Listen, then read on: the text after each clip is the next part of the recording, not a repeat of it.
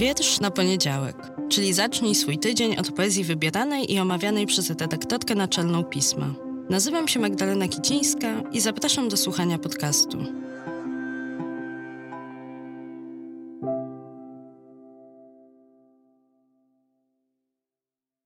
Cykl powstaje we współpracy ze Staromiejskim Domem Kultury. Cześć, dzień dobry, dobry wieczór. Witajcie już w końcówce maja.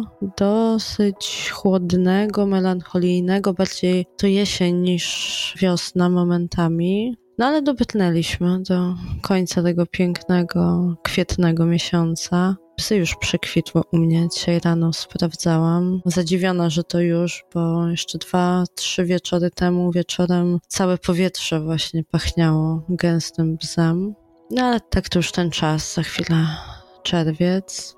I tak sobie pomyślałam, że dzisiaj opowiem Wam o czymś bardzo osobistym. No ten podcast cały, jak wiecie, ma osobisty charakter, ale ten odcinek jest dla mnie wyjątkowy. Mam nadzieję, że ten ekshibicjonizm nie będzie nadmierny, będzie do przełknięcia. Ale tak, podjęłam taką decyzję, że chcę się z Wami dzisiaj podzielić wspomnieniem. Wspomnieniem bardzo związanym z tym podcastem, a jednocześnie z bardzo trudnym, smutnym dla mnie dniem, bo właśnie mija rok, odkąd nagrywałam u nas w redakcji na Górskiego z Kubą dla Was kolejny odcinek podcastu. I wtedy maj był słoneczny, ciepły, bardzo ciepły nawet. I ja w którymś momencie, siedząc na, na naszej bardzo wygodnej, gościnnej niebieskiej sofie, w przerwie nagrań sięgnęłam po telefon który miałam wyciszony, wyłączony. Na chwilę go sobie odblokowałam i no i właśnie wtedy przyszła do mnie wiadomość, taka jedna z tych wiadomości, które gdzieś wiszą w powietrzu, czyhają za rogiem, ale się je odsuwa tak długo, jak to tylko możliwe.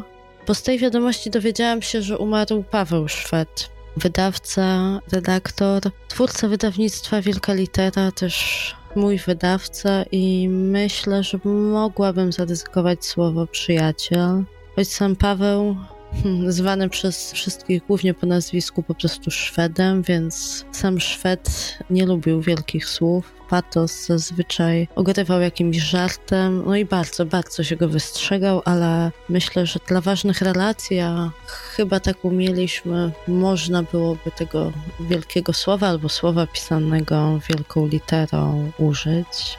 A niewiele osób wie, że Paweł Szwed pisał też wiersze. Nawet opowiedział kiedyś, że odważył się wysłać je do Czesława Miłosza, a jeśli ktoś zna Szweda, to wie, że Czesław Miłosz to był Bóg, na pewno największy, zdaniem Pawła, polski poeta, więc wyobrażam sobie tylko, jaką miał tremę, kiedy te wietrze wysłał i kiedy przez telefon z Czesławem Miłoszem rozmawiał. Wiersze Pawła ukazywały się na początku lat 90., między innymi w Tygodniku Literackim, w Republice, w Lampie. I to dlatego, że w Lampie i dlatego, że pamiętał Pawła nie tylko z życia Warszawy, jako redaktora, dziennikarza, szefa działu krajowego, ale też jako poeta. Z tej pamięci Paweł Dunin-Wąsowicz wygrzebał kilka jego tekstów i opublikował u siebie na Facebooku. Ja też mam kilka kserówek, kilka zdjęć wysłanych messengerem z jego wierszami. A ja chciałabym dzisiaj przeczytać ten, który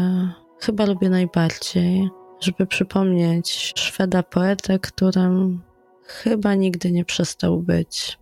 I mam nadzieję, że dla tych, którzy go znali, ten przystanek w tym podcaście, przystanek dla Pawła, też im przypomni o tym, że poza innymi różnymi rolami, w których w życiu występował, był też Szwed poeta. W czerwcu. W czerwcu są zabici i ranni. Jest głód i osamotnienie. Są też skrzypce, gazety, usta tej dziewczyny, rozpacz i truskawki. Nieuważne, tylko ciebie potrafię objąć i tylko siebie. Cykl powstaje we współpracy ze Staromiejskim Domem Kultury.